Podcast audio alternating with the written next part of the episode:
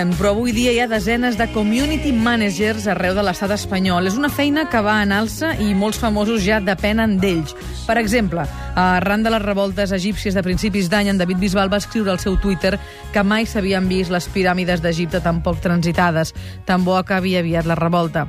Aquella relliscada va fer que rebés una llau de crítiques. Segurament, si hagués tingut com a amiga o companya la Judit Argila, doncs eh, no li hagués anat tan malament el comentari. Ella és conceptualitzadora del Departament de Xarxes Socials i Participació de TV3. Bon dia, Judit. Bon dia. Una important relliscada, la de David, que es podia haver evitat amb un community manager? Bueno, potser no calia ni un community manager, potser calia sentit comú i una mica de consciència de on s'està i què s'està publicant. No? Les xarxes socials no deixen de ser un, un... com li diríem? És una finestra més al món, és una plataforma des d'on ens comuniquem nosaltres, com a entitats, mm, o sigui, com a persones en la nostra vida privada, però també en la nostra imatge pública, quan fem declaracions als mitjans, quan estem parlant a la ràdio, quan estem publicant a un diari, ningú posa en dubte que el que hem de publicar ha de ser una cosa raonada i amb sentit comú i no se'ns no se'ns acudiria fer segons quines afirmacions. Però les xarxes socials potser per aquest punt d'oci que hi ha associat amb elles, no? o perquè són eines realment molt fàcils de, de gestionar i on es pot publicar... Et relaxes una mica, no?, quan escrius. Et, et relaxes massa, segurament. Uh -huh. no? I jo crec que ens falta, més que coneixement de les plataformes, un punt de consciència encara amb tot el món de, la, de les xarxes socials. El Xavi Rossinyol i la Núria Coll ens explicaran que en David Bisbal no ha estat l'únic famós que ha fet una relliscada a través de les xarxes socials. També hi ha el cas de l'exactriu i ex-Miss Univers Alicia Machado, que va lamentar a través del Twitter el conflicte entre les dues Xines, quan en realitat es referia a Corea del Nord i del Sud. En aquest cas, l'ex-Miss va donar les culpes al seu community manager. De fet, es va disculpar pels pocs coneixements geogràfics del seu assistent. Kaká, futbolista del Real Madrid, va fer tancar el Twitter de la seva dona perquè havia escrit que l'entrenador del seu marit era un covard perquè el substituïa en tots els partits. I Paulina Rubio va anunciar així el seu embaràs a Twitter. Chicos, quiero confesarles con mucha ilusión que van a hacer tíos. Il·lusió amb ser i hacer en lloc de hacer, tios. déu nhi I Twitter tenia 20.000 usuaris diaris a tot l'estat espanyol en gener del 2009. Actualment superen els 300.000 al dia pel que fa al Facebook. 8 milions de persones a l'estat espanyol l'utilitzen cada dia. Crec que per entendre'ns hauríem de començar pel principi, Judit, explica'ns què és un community manager. Biam, un community manager eh, enfocat en el, en el món digital, diguéssim, en el món d'internet, perquè community managers com a concepte han existit des de fa molt de temps, no? els entenem com aquella figura que s'encarrega de gestionar d'alguna forma, comunitats creades online. Jo el primer cop que vaig sentir el terme va ser el 2006, treballava en una, treballava en una startup que es dedicava a generar... Un què, perdona? Una startup. Que això és... Um... Ah, bé, sí. és una empresa...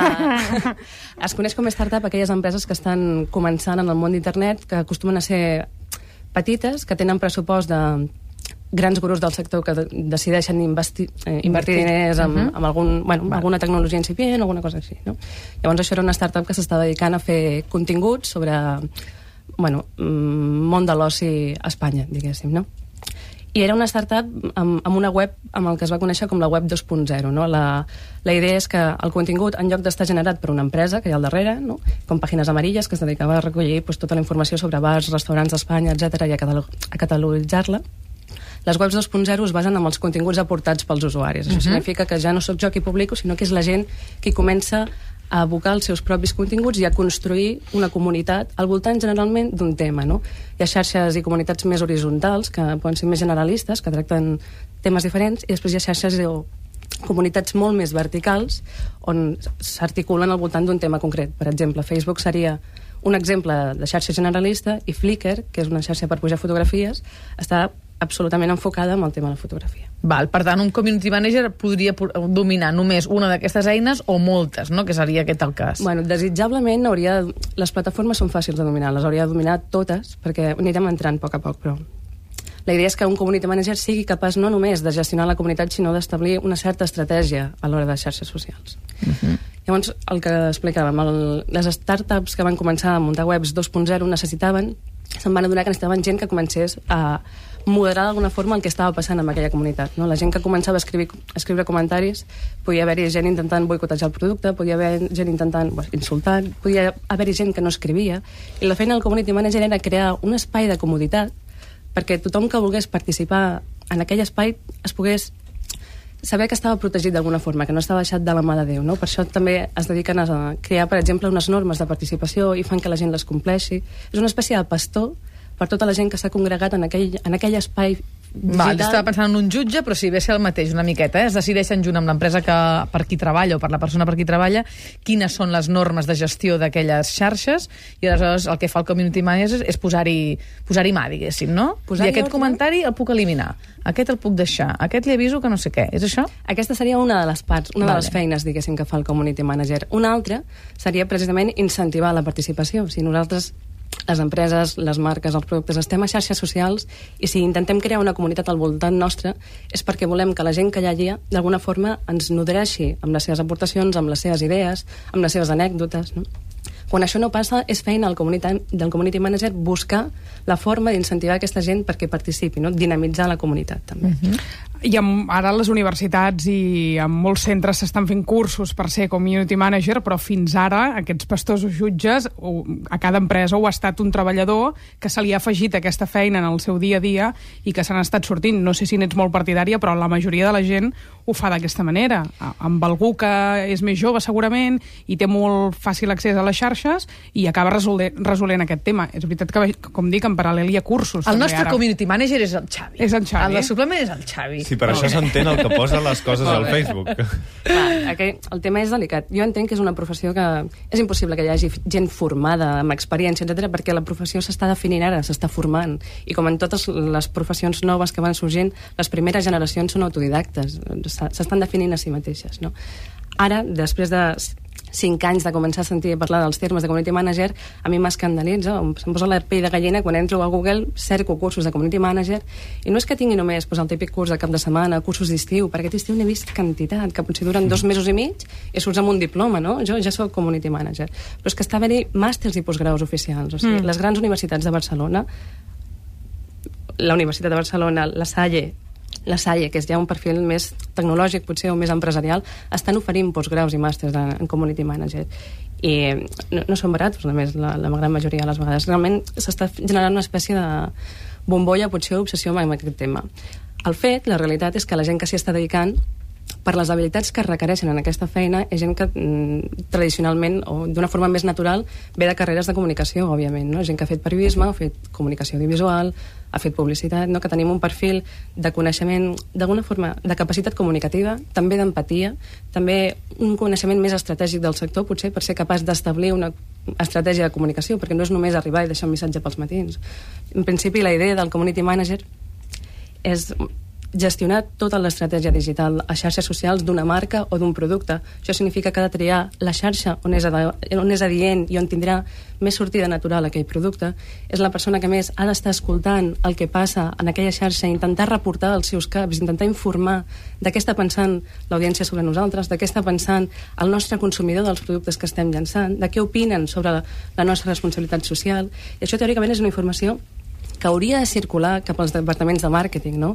És, és una posició bastant estratègica dintre de les empreses. Uh, com dius, el community manager, una de les coses que fa, per exemple, és observar les opinions que hi ha a internet sobre el producte que ven la seva empresa. Però només les observa o també pot modificar-les d'alguna manera? És a dir, per exemple, quan nosaltres anem a una web en què uh, hi ha informació sobre hotels i veiem un munt de comentaris, alguns que són molt positius i d'altres de molt negatius, podem pensar, home, potser els comentaris negatius els està posant la gent de la seva competència. O al contrari, o els positius O els estan posant positius els estan posant ells. Com ho sabem, això? Això no ho sabem, però hi ha, hi ha un límit de volum de comentaris que serà el que marcarà la diferència de la credibilitat d'aquell hotel, d'aquell establiment. Si arribem, hi ha quatre opinions, dos són positives i dos són negatives, i a més mires les xarxes, de, les dates de publicació i bueno, veus que més o menys les tres positives es van fer la mateixa setmana, amb dos dies de diferència, que és, bueno, ja està, aquí al darrere algú Ah. que està intentant posicionar positivament aquesta marca. Però això ho pots controlar amb 5, 10, 15, 20 opinions. Quan hi ha 300, n'hi ha 500, o sigui, quan realment la, la massa s'ha començat a, a opinar sobre un tema no, no, és qüestió, no, no és controlable. El que sí que és cert és que el paper del community manager, a part de ser... Algun cop vaig sentir que d'alguna forma és un ambaixador de l'empresa entre l'audiència, entre els consumidors, no? i alhora és un ambaixador dels consumidors entre l'empresa. És un perfil que mou en les dues direccions. Però així ens recomanaries que si entrem a un fòrum d'aquests i veiem que hi ha només 3 o 4 comentaris, no li fem cas. Bueno, eh, el volum, diguéssim, és el que et marca... El, Tan representatiu com és, no? Correcte, o sigui, si n'hi ha dos o quatre, més, doncs més. poca cosa. Però d'alguna forma, el que parlàvem, s'ha el, els gabinets de premsa i els caps de, de comunicació és un perfil que sempre s'ha considerat que és molt estratègic per la casa, perquè al cap i a la fi és la imatge de la casa cap a l'exterior, i algú fa una roda de premsa, munta un comunicat, dona uns titulars, i allò hi ha potser 15-30 periodistes a la sala, que després publicaran aquella informació com els hi convinguin als seus mitjans i com considerin, i en canvi això es considera un paper estratègic en la comunicació d'una marca o d'un producte. En canvi, la figura que està fent això mateix però a xarxes socials, on un cop es llança un titular, no només la repercussió és molt més immediata perquè no hi ha intermediaris, no hi ha els mitjans mm -hmm. de pel mig, sinó que directament arriba a l'audiència. I aquesta audiència, a més, té la capacitat de posar en dubte el que nosaltres estem dient immediatament davant de tota la resta de gent que està observant. O sigui, no és com una, predu- una pregunta, una roda de premsa on un periodista qüestiona el que està dient i allò s'entera la gent que està present a la sala, però de, de, no, no té la capacitat de, de traslladar-se després al món exterior amb tanta facilitat. A les xarxes és immediat. Doncs la persona que està aquí davant de, o sigui, a primera línia de mar lluitant contra la tempesta, resulta que és la persona, com dèiem, no? que a més a més està desenvolupant altres feines o que moltes vegades és fins i tot o un becari que acaba d'arribar a la casa i que, per tant, no té ni, ni la cultura corporativa com per poder donar una imatge de marca correcta, segurament, ni la responsabilitat adjudicada de defensar la imatge d'aquella marca davant de, de, de tota l'audiència enfurismada que pot tenir, no? Evidentment, la figura del community manager, tal com van les coses, anirà a més. Amb els anys segurament s'acabarà professionalitzant del tot, com ara deies, a través d'aquests estudis, d'aquestes titulacions. Però hem començat el tema parlant de casos concrets de persones doncs, que tenen una feina que els fa, els converteix en personatges públics i que, per tant, doncs, aquesta parcel·la d'intimitat i, i espai públic eh, queda una miqueta difosa. Aquí també hi teniu un paper important, els community managers personals per cada un d'ells. Vull dir, Cristiano Ronaldo o Carles Puyol em sembla que sí que escriu els seus tuits, però una altra persona potser no escriu els seus tuits. Sí, també estava el cas del Piqué, per exemple. Del Puyol i el Piqué a Twitter es dona molt de joc i sembla que sí que són ells directament qui estan al darrere de les marques, no? Però és cert que un personatge públic, a més, si diguéssim que té una feina intensa, no pot passar-se el dia no només publicant a xarxes so- socials, sinó estan pendent del que genera xarxes socials per poder, d'alguna forma, contestar les increpacions que se li estan fent. Jo us volia comentar, per exemple, el cas d'Obama, que han anunciat fa poc l'oficina de premsa Obama en el seu moment va tenir molt de ressò tota la campanya que va fer a xarxes socials amb les presidencials no? En aquesta ocasió, al Twitter d'Obama directament han publicat fa unes setmanes que qui el portarà serà el gabinet, el gabinet de premsa. Uh -huh. O sigui, directament ja es dona transparència a que qui hi ha al darrere d'allò és un gabinet de comunicació especialitzat en fer la comunicació de marca al president. I que quan el president vulgui publicar alguna cosa en particular, vindrà signat com una B i una O Barack Obama, per identificar-ho. Doncs avui de la mà de Judit Argila, conceptualitzadora del Departament de Xarxes Socials i Participació de TV3, hem volgut fer aquests 5 cèntims sobre aquesta figura que cada cop agafarà més rellevància, el Community Manager. Judit, moltíssimes gràcies per haver vingut avui al suplement. Gràcies a vosaltres. I segur que et tornem a trucar perquè ens continues explicant més coses un altre dia. Encantada. Gràcies, que vagi molt bé. Adéu-siau. El suplement